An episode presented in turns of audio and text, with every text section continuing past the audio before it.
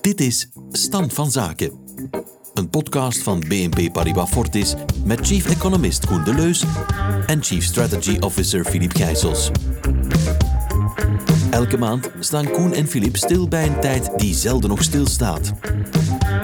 Wat valt hen op en wat houdt hen bezig in onze wereld die niet stopt met veranderen? En wat betekent dat voor de economie, voor de markten en voor jou?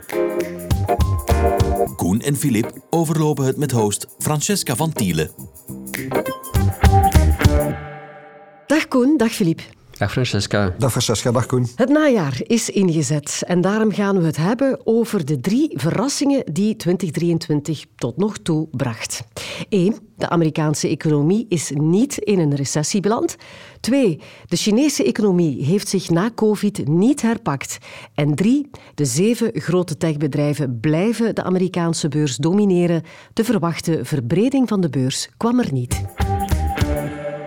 Die drie verrassingen lijken misschien wat abstract, zo op het eerste gezicht. Maar wat het interessant maakt, is dat ze stuk voor stuk lijnrecht tegen de economische vooruitzichten van eerder dit jaar ingaan. En ook niet onbelangrijk, want beleggers voelen het in hun portefeuille. Deze drie verrassingen zorgen er samen voor dat de beurzen het veel minder goed doen dan tot nu werd verwacht of gehoopt. En hoe komt dat dan, Filip? Wel, dat klinkt misschien een beetje vreemd en dat horen we ook als we met cliënten praten of zelfs met collega's. Iedereen gaat er zo vanuit dat de economie en de beurzen dat samenhangt. Wat je de laatste 20, 30, zelfs 40 jaar ziet, is dat niet zo is. Vaak heb je momenten dat de beurs het zeer slecht doet als de economie het, goed doet en vice versa. En dat heeft alles te maken met het punt dat de beurscyclus eigenlijk veel meer gecorreleerd is met de rentecyclus dan met de economische cyclus. Dus met andere woorden, als het eh, goed gaat, economisch gezien, dan gaat inflatie inflatie omhoog. Als inflatie omhoog gaat, gaat de rente omhoog. En als er iets is wat de markten haten, wel, dan is het wel een stijgende rente. Dus eigenlijk zou je bijna moeten zeggen, ja, we hopen op wat slecht economisch nieuws. Ja, ik begrijp die redenering, maar het klinkt natuurlijk wel wat vreemd, Filip. Dus uh, verklaar misschien wat nader. het klinkt vreemd en het is ook niet dat we willen zeggen dat we hopen op een kanjer van een recessie. Maar als de cijfers nu een klein beetje zouden minder goed worden, wat afkoelen, dan zou dat betekenen waarschijnlijk ook dat die inflatie naar beneden komt, dat de centrale banken misschien wat minder agressief de rente moeten gaan verhogen. En dat zou eigenlijk goed zijn voor de beurs. Want uiteindelijk, also, ik kan het alleen maar herhalen, als de economie te goed draait, stijgt de rente te veel en dan hebben de beurzen het moeilijk.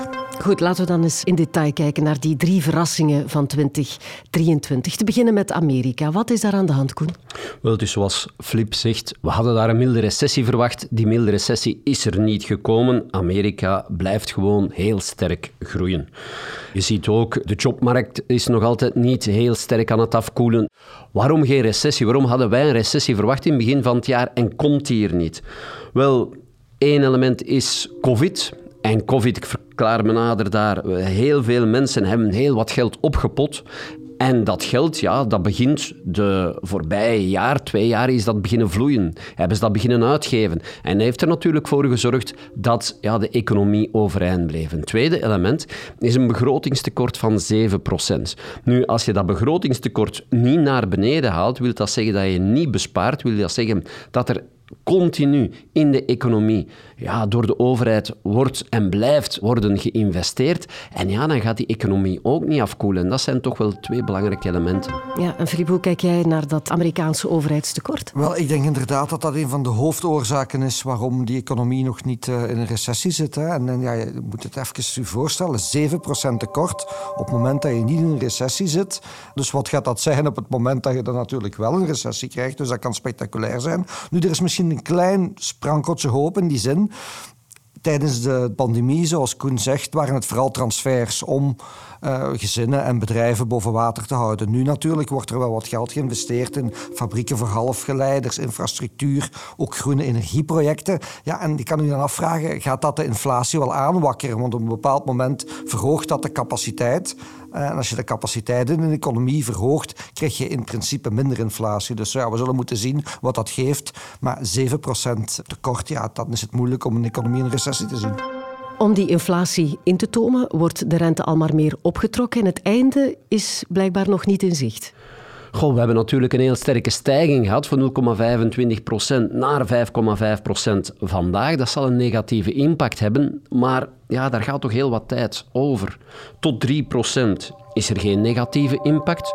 historisch zien we dat er een vertraging is tussen een verstrakkende rente, dus een rente boven die 3%, boven de neutrale rente, en effectieve recessie van 12 à 24 maanden. Als we dat in ja, onze vergelijking uh, steken, ja, dan wil dat zeggen dat we rekenen op een begin van een recessie ergens tegen het einde van het jaar, begin volgend jaar. Nu, er zijn signalen dat die economie aan het afkoelen is. Hè. Dat is ook het doel geweest van de Federal Reserve. Waarom blijft die rente dan verder stijgen, Philippe? Wel, er zijn een aantal dingen die moeilijk zijn. Maar zoals Koen het zegt, van kijk, eh, er zit die vertraging, dat is al één probleem. Maar een tweede punt is, en ik zou graag een metafoor gebruiken, tijdens de COVID-pandemie had je centrale banken en overheden die allebei de gaspedaal induwen. Dus je had eigenlijk een wagen met twee gaspedalen. Ja, dat gaat natuurlijk stevig vooruit. Vandaag heb je een normalere wagen met een, een gaspedaal en een rem. Dus je hebt nog altijd die overheid die maar dat tekort runt en maar geld in dat systeem duwt. Gas geven, gas geven, gas geven. En aan de andere kant moet natuurlijk die centrale bank dan remmen, remmen, remmen om die inflatie onder controle te houden. Als één zit gas te geven en de andere te remmen, wel, dan heb je een auto die alle kanten uitvliegt. Ja, en dan is het natuurlijk niet abnormaal dat economisten zoals Koen alle hoeken van de kamer zien, omdat die cijfers natuurlijk alle richtingen uitgaan.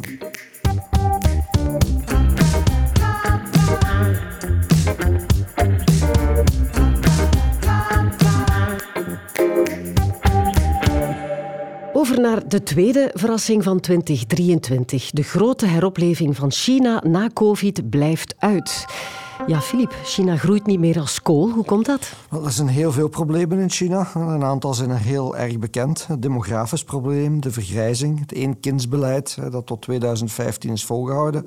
Dus ja, als je een verouderende bevolking hebt, wordt het sowieso een stuk moeilijker om te groeien. Dan zijn er problemen met eh, de vastgoedbedrijven. Uh, die zijn ook algemeen bekend. En dan heb je natuurlijk ook het punt, ja, China was de fabriek van de wereld en moet zich op een of andere manier gaan omturnen naar een consumptiemaatschappij. Maar dat lukt eigenlijk minder goed. Dat zijn eigenlijk allemaal macro-problemen. Dat zijn problemen die je voor een groot stuk kunt oplossen met geld. En China heeft geld, dus dat kan je oplossen. Maar er zijn natuurlijk ook microproblemen. En micro klinkt klein, maar die zijn net groter. Dat zijn net eigenlijk ja, de dingen die maken dat de buitenlandse investeerders eigenlijk het, het Chinese verhaal niet meer vertrouwen. Ja, en dat vertrouwen, Filip, wat bedoel je daar dan precies mee? Wel, China is nog steeds een centraal geleide economie. En dan hebben wij als westerse investeerders natuurlijk het probleem met, met de rechtszekerheid daar. Je hebt daar zeer mooie bedrijven, Tencent, Alibaba, leiders op gebied van technologie, vaak tegen heel interessante waarderingen. Maar ja, als je natuurlijk niet zeker bent dat niet met één pennentrek ja, heel bezit kan weg zijn, of, of dat het, het aandeel wat je hebt niet meer noteert op je eigen beurs of de beurs van Amerika, dan heb je wel een issue. En, en dat is de reden waarom je die grote discount dan ziet bij die bedrijven. Als we naar de cijfers kijken, dan zien we ook dat het buitenlandse geld redelijk massaal de Chinese markt verlaat. Aandelenmarkt, obligatiemarkt, maar ook foreign direct investments. Dus bedrijven zijn toch wel eens twee keer aan het nadenken of ze dat nog gaan doen. En ja, er zijn natuurlijk een aantal landen die daar garen mee spinnen in de regio. Maar een weetje, Mexico bijvoorbeeld. Uh, Amerika importeert meer van Mexico op dit moment dan van China. En dat is dan die reshoring of friendshoring waar Koen het altijd over heeft. Nu, ik denk wel dat China de middelen wel heeft om zijn economie terug op gang te trekken. Dat ze dat ook wel voor een stuk gaan doen. Maar het spreekwoord zegt vaak, vertrouwen komt te voet en gaat te paard. Uh, en ik denk dat dat uh, heel erg toepasbaar is op China. Ja, vertrouwen. Hoe kijk jij naar China, Koen? Wel, ik geef Flip volledig gelijk dat uh, vertrouwen een groot probleem is. Vertrouwen bij de ondernemers, maar natuurlijk ook vertrouwen bij de gewone Chinezen. En dat is nog een stuk erger, denk ik. Je moet weten, 98% van de Chinezen heeft een eigen huis. Nu, als de huizenprijzen dalen, ja, dat hakt natuurlijk in op het vertrouwen van de gemiddelde Chinees. Ja, dan heb je het over die vastgoedsector. Hè. We krijgen daar heel wat zorgwekkend nieuws over te horen. Ter herinnering, Koen, wat is daar nu precies aan de hand? Wel, je had Evergrande. Uh, enkele jaren geleden is dat een van de grootste bouwpromotoren over kop gegaan. En sindsdien is twee derde van de privé bouwpromotoren over kop gegaan. Enkele weken geleden was het nog Country Garden, ook een van de grote bouwpromotoren, die een uh, couponbetaling misten op zijn Amerikaanse obligaties. Als er zo'n dingen gebeuren, ja, dat verspreidt als een kanker in heel de economie. En, en zeker, ja, wie gaat er nu nog een huis kopen? Je moet een voorschot geven. En dan moet je maar hopen dat jouw bouwpromotor niet failliet gaat. Ja, je gaat dat dus niet doen. En, en vandaar dus dat die vastgoedmarkt in duigen ligt. En de enige manier die ik zie hoe dat, dat opgelost kan worden, dat is een overheid die tussenkomt. En concreet, wat zou de Chinese overheid dan kunnen doen? Wel, de Chinese overheid heeft rode lijnen geïntroduceerd. En dat was eigenlijk het begin van heel de vastgoedmalaise. Dus ze gaan die rode lijnen, gaan ze daar toch een stuk minder streng in moeten zijn. Ze gaan die een klein beetje moeten versoepelen en er zo voor zorgen dat de mensen niet meer vrezen dat vastgoedbedrijven over kop gaan. En hoe doe je dat? Ja, één, die toch wel bepaalde leningen geven aan die vastgoedpromotoren. Probleem is natuurlijk dat je die vastgoedzeebel, die, waar je heel langzaamaan lucht wilt uitlaten, dat je die terug een beetje aan het opblazen bent. Maar ja, af en toe moet je dat toch maar doen. Ten tweede ja, moet je ook zien dat, dat bepaalde heel strenge maatregelen, zoals het aankopen van een tweede verblijf, ja, is vandaag redelijk moeilijk, omdat je een bepaalde loan-to-value, je moet veel meer geld initieel op tafel leggen en daarnaast uh, kan je nog een stuk lening krijgen. Nu ja, dat zijn maatregelen die, die de overheid zou moeten uh, introduceren vandaag, want anders gaat dat vertrouwen niet terugkomen en gaat er niemand een woning willen kopen. De vastgoedperikelen waar je net over spreekt, Koen, en het afzwakken van de Chinese economische groei, dat is niet enkel een binnenlands probleem, want China is ook een van de motoren van de wereldeconomie.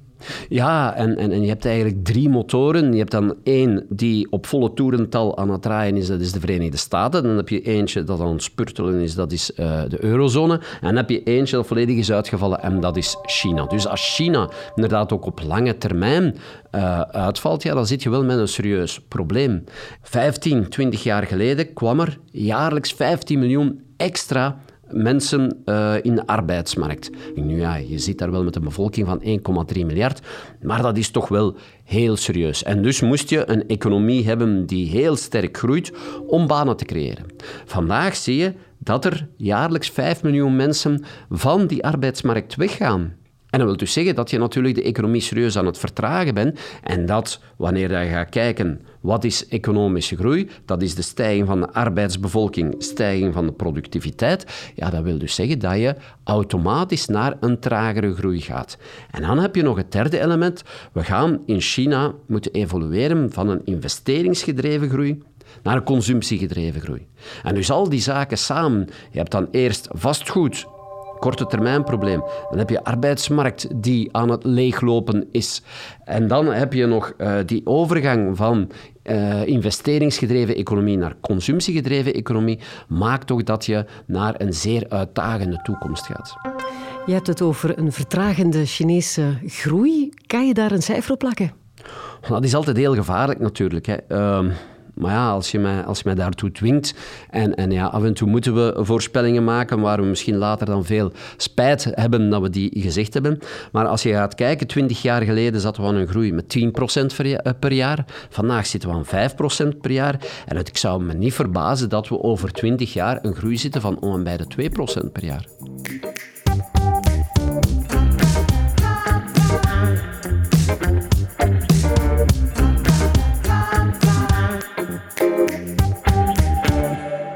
Tijd voor de derde verrassing van 2023. De beurs wordt nog altijd gedreven door de grote techreuzen. Analisten hadden een verbreding voorspeld, dat ook niet-techbedrijven het beter zouden doen. Dus maar die verbreding blijft uit. Filip, dit is helemaal jouw domein. Ja, inderdaad. En dat is een heel vervelende. Want dat betekent dus in de portefeuilles van onze cliënten ook. Als je niet voldoende in die grootte zit, of niet in die grootte zit, ja, dan loop je per definitie eigenlijk achter. Nu, om daar nog eens één opmerkelijk feit eh, naar voren te schuiven. Als je kijkt naar de marktkapitalisatie van Apple, is dat meer dan de Russell 2000. Dat zijn 2000 aandelen. Dus als één aandeel groter is in marktwaarde dan 2000 samen, ja, dan weet je het eigenlijk wel. Nu is het duidelijk, of waren duidelijk, of zijn nog steeds duidelijk met die uh, analisten, strategen die zeiden ja, die markt gaat uiteindelijk wel eens een keer gaan verbreden. Hè. Die kleinere gaan toch ook wel een stukje van de koek gaan meekrijgen, maar dat hebben we dus niet gezien. Die grote hebben wel wat pluimen gelaten, maar die kleine hebben er eigenlijk niet van geprofiteerd. Nu, de S&P staat nog altijd op 10% winst ongeveer voor dit jaar, maar dat kan je dus volledig op het konto schrijven van die zeven grote. Als je zou equally weighten, gelijk wegen, wat eigenlijk betekent dat je de grote geen groter gewicht geeft, maar dat je de S&P 500 elk evenveel die 500 geeft, wel ja, dan sta je zelfs licht negatief. Om maar aan te geven dat we toch wel een moeilijke markt hebben. Ja, en hoe komt dat dan precies? Wel, het is zo, de grote schuldige is natuurlijk weer al de rente. Hè. Je voelde hem al komen, maar in onze wereld is rente zwaartekracht. En, en ja, als die natuurlijk omhoog gaat, wordt alles naar beneden uh, getrokken. Um, dan wordt zuurstof voor een stuk uit de markt gehaald. En ja, wij dachten eigenlijk ook dat de rente ging stoppen rond de 4,3, 4,4 de Amerikaanse tienjaarsrente. Maar die hebben we dus eigenlijk overschreden. We zitten nu tussen de 4,7 en de 4,8. Maar ja, als die richting 5 zou opstomen, wat ik niet hoop, maar daar zijn we natuurlijk niet zo ver vanaf, ja, dan loop je het risico dat je nog wel eens een keer uh, misschien nog 10% eh, verder corrigeert. Maar Filip, waarom zijn die grote techbedrijven minder rente- of zwaartekrachtgevoelig, zoals jij het graag zegt, dan die kleine bedrijven? Wel, er is sowieso al het vertrouwen. Hè. Op momenten dat, dat je de, zorgen begint te maken over de markt, dan, dan koop je wat je kent. Maar daar is ook een technische reden voor. Ehm, en dat is ook weer te maken met die rente natuurlijk. Die grote bedrijven, eh, die, die zeven, de Googles en de Apples en de Microsofts van deze wereld, die hebben nauwelijks schulden. Meer nog, die hebben hopen cash staan. Wel ja, die krijgen ineens 5, 6 procent op die cash. Die kleintjes die maken vaak nog geen winst of minder winst. Die hebben vaak veel schulden. Dus die moeten natuurlijk die rente gaan betalen. De ene krijgt het binnen en de andere betaalt het, ja, dan zie je onmiddellijk ook al het verschil in veiligheid natuurlijk. Dus wat gebeurt er dan als de markt niet langer doet wat je verwacht of hoopt? Wel, ik, we hopen nog steeds, dat, uh, of we denken nog steeds, maar het is ondertussen meer hopen dan denken misschien dat we met vertraging gelijk krijgen en dat die rente toch eens zou beginnen te dalen. Dat is heel belangrijk. Nu, dat is voor een stuk gelinkt aan die inflatie. En die inflatie is dan weer gelinkt aan de economie. Dus zoals we in het begin van ons praatje al zeiden, zou het niet slecht zijn als die Amerikaanse economie een beetje zou vertragen. Nu, de inflatie zakt wel, maar de rente zakt daar eigenlijk niet volledig mee mee. En dat betekent dus ook voor een stuk dat er een ander element speelt. En dat is misschien wel dat de wereld op dit moment zijn vertrouwen een beetje verliezen is in het Amerikaanse staatspapier.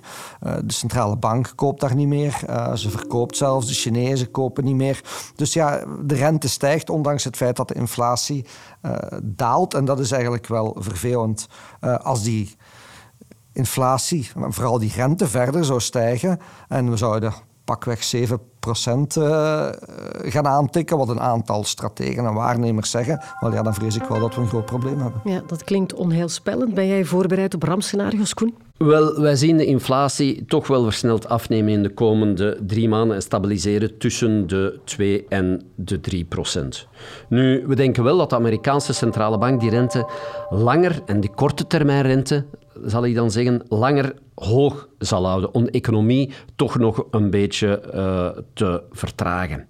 En, en, ja, een keer dat die economie vertraagt, inderdaad, dan gaat ook die inflatie een stukje dalen. En dan denk ik dat die lange termijn rente ook wel redelijk snel kan dalen. Want je hebt natuurlijk een groot verschil tussen de korte termijnrente, die dan opgetrokken is naar 5,5 procent, en de lange termijnrente, ja, die rond de 4,7 procent is en die daar gehouden moet worden om een, ja, een, een, een, strak monetair beleid te kunnen voeren.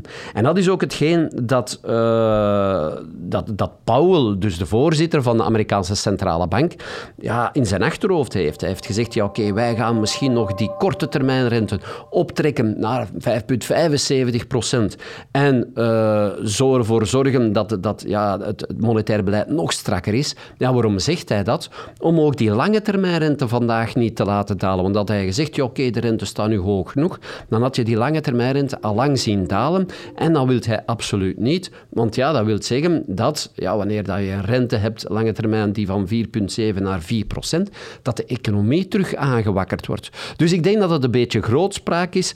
Ik denk dat hij echt het monetair beleid en vooral uh, de, monetaire situatie op de markten heel strak wilt houden. Maar eenmaal dat de inflatie effectief aan het afkoelen is en eenmaal dat de economie effectief aan het afkoelen is, dan denk ik dat hij zijn dreiging niet gaat waarmaken en dat we snel naar een lager niveau zullen gaan. Goed, dan gaan we het uh, daarmee laten. We hebben de drie verrassingen besproken die 2023 heeft gebracht. Maar nog een laatste vraag uiteraard. Wat verwachten jullie? Maar we gaan dat kort houden voor de komende maanden in verband met de topics die we nu net hebben besproken. De economie in Amerika, de vastgoedproblemen in China en de verbreding van de beurs. Amerika gaat vertragen ergens tegen het einde van het jaar en in China gaat de overheid tussenkomen. Ja, voor mij is het uh, relatief simpel. Als Koen gelijk heeft, uh, dan zal de beurs dus relatief goed doen. En als dat niet zo is, is het ook zijn schuld meteen. Um, Gingen het kort houden? Hè? Ja, ja, absoluut. Ja, ja. We hebben de laatste jaren eigenlijk al gezien dat uh, we wel het dus het rechte eind hadden, maar soms ook niet. En we moeten eerlijk zijn, die rente die zo hard steeg, dat was niet ons scenario en alles wat er voor een stuk aan vasthangt. Nu, op het moment dat we dit opnemen, zijn we dan ook in een wait-and-see-modus. We zijn ook in de portefeuilles eerder neutraal gepositioneerd, want we willen absoluut zien wat die rente doet. We zijn heel snel richting die vijf aan het opstomen. Het is een heel verschil uh, of we terug naar vier gaan, zoals Koen denkt en ik ook denk. Uh, of dat je naar zes gaat. Uh, als je naar zes gaat, ja, dan denk ik dat we nog niet aan het einde van de correctie zijn. En dat was kort voor Flip. Deze podcast loopt op zijn einde, dus is het tijd voor de boekentip van Philippe. Ja, hij blijft maar lezen. En Philippe, er komen dan natuurlijk ook veel nieuwe boeken uit. Ja, veel boeken, maar toch zeer interessant. Hè. The Coming Wave uh, van Mustafa Suliman. AI, Power and the 21st Century Greatest Dilemma. Dus ja, de titel zegt al zelf waar het over gaat. Hè. Over biotechnologie, over AI, over machtsverhoudingen. En ik vind het een heel interessant boek. En wat ik er heel goed aan vind, eh, los van, van al die andere dingen, is dat die drie topics waar we het vandaag over gehad hebben, daar zeker um, inkomen, in voorkomen, de grote verrassingen. En waarom zit Amerika niet in een recessie? Waarom is China niet uh, versneld? En waarom ja, zitten we met die Magnificent Seven? Ja, dan denk je aan AI. En, en waarom is de markt dan nog niet verbreed? Dus ik denk dat er heel veel in zit. Um, het is nog misschien wat vroeg voor kerst, maar het is misschien zonder de kerstboom te leggen. En daarmee zijn we gekomen aan het einde van deze podcast. Meer info over het boek vind je in onze show notes. Deze podcast werd opgenomen op 9 oktober. De volgende stand van zaken staat online op 6 december. Koen en Filip, het was weer heel erg fijn om met jullie Leuk te praten. Leuk om te doen. Dankjewel, Francesca. Dank, u. Dit was Stand van Zaken. Vond je deze podcast interessant? Abonneer je dan via Apple Podcast, Spotify of een andere podcast-app naar keuze. Of deel deze podcast via sociale media. Zo help je ook anderen om hem te vinden. Heb je intussen vragen, opmerkingen of suggesties? Die kun je mailen naar socialmedia.bnpparibafortis.com. Graag podcast Stand van Zaken in de onderwerpregel vermelden. De opinies in deze podcast zijn die van de presentator en de geïnterviewde en geven niet noodzakelijk het standpunt van BNP Paribas Fortis weer.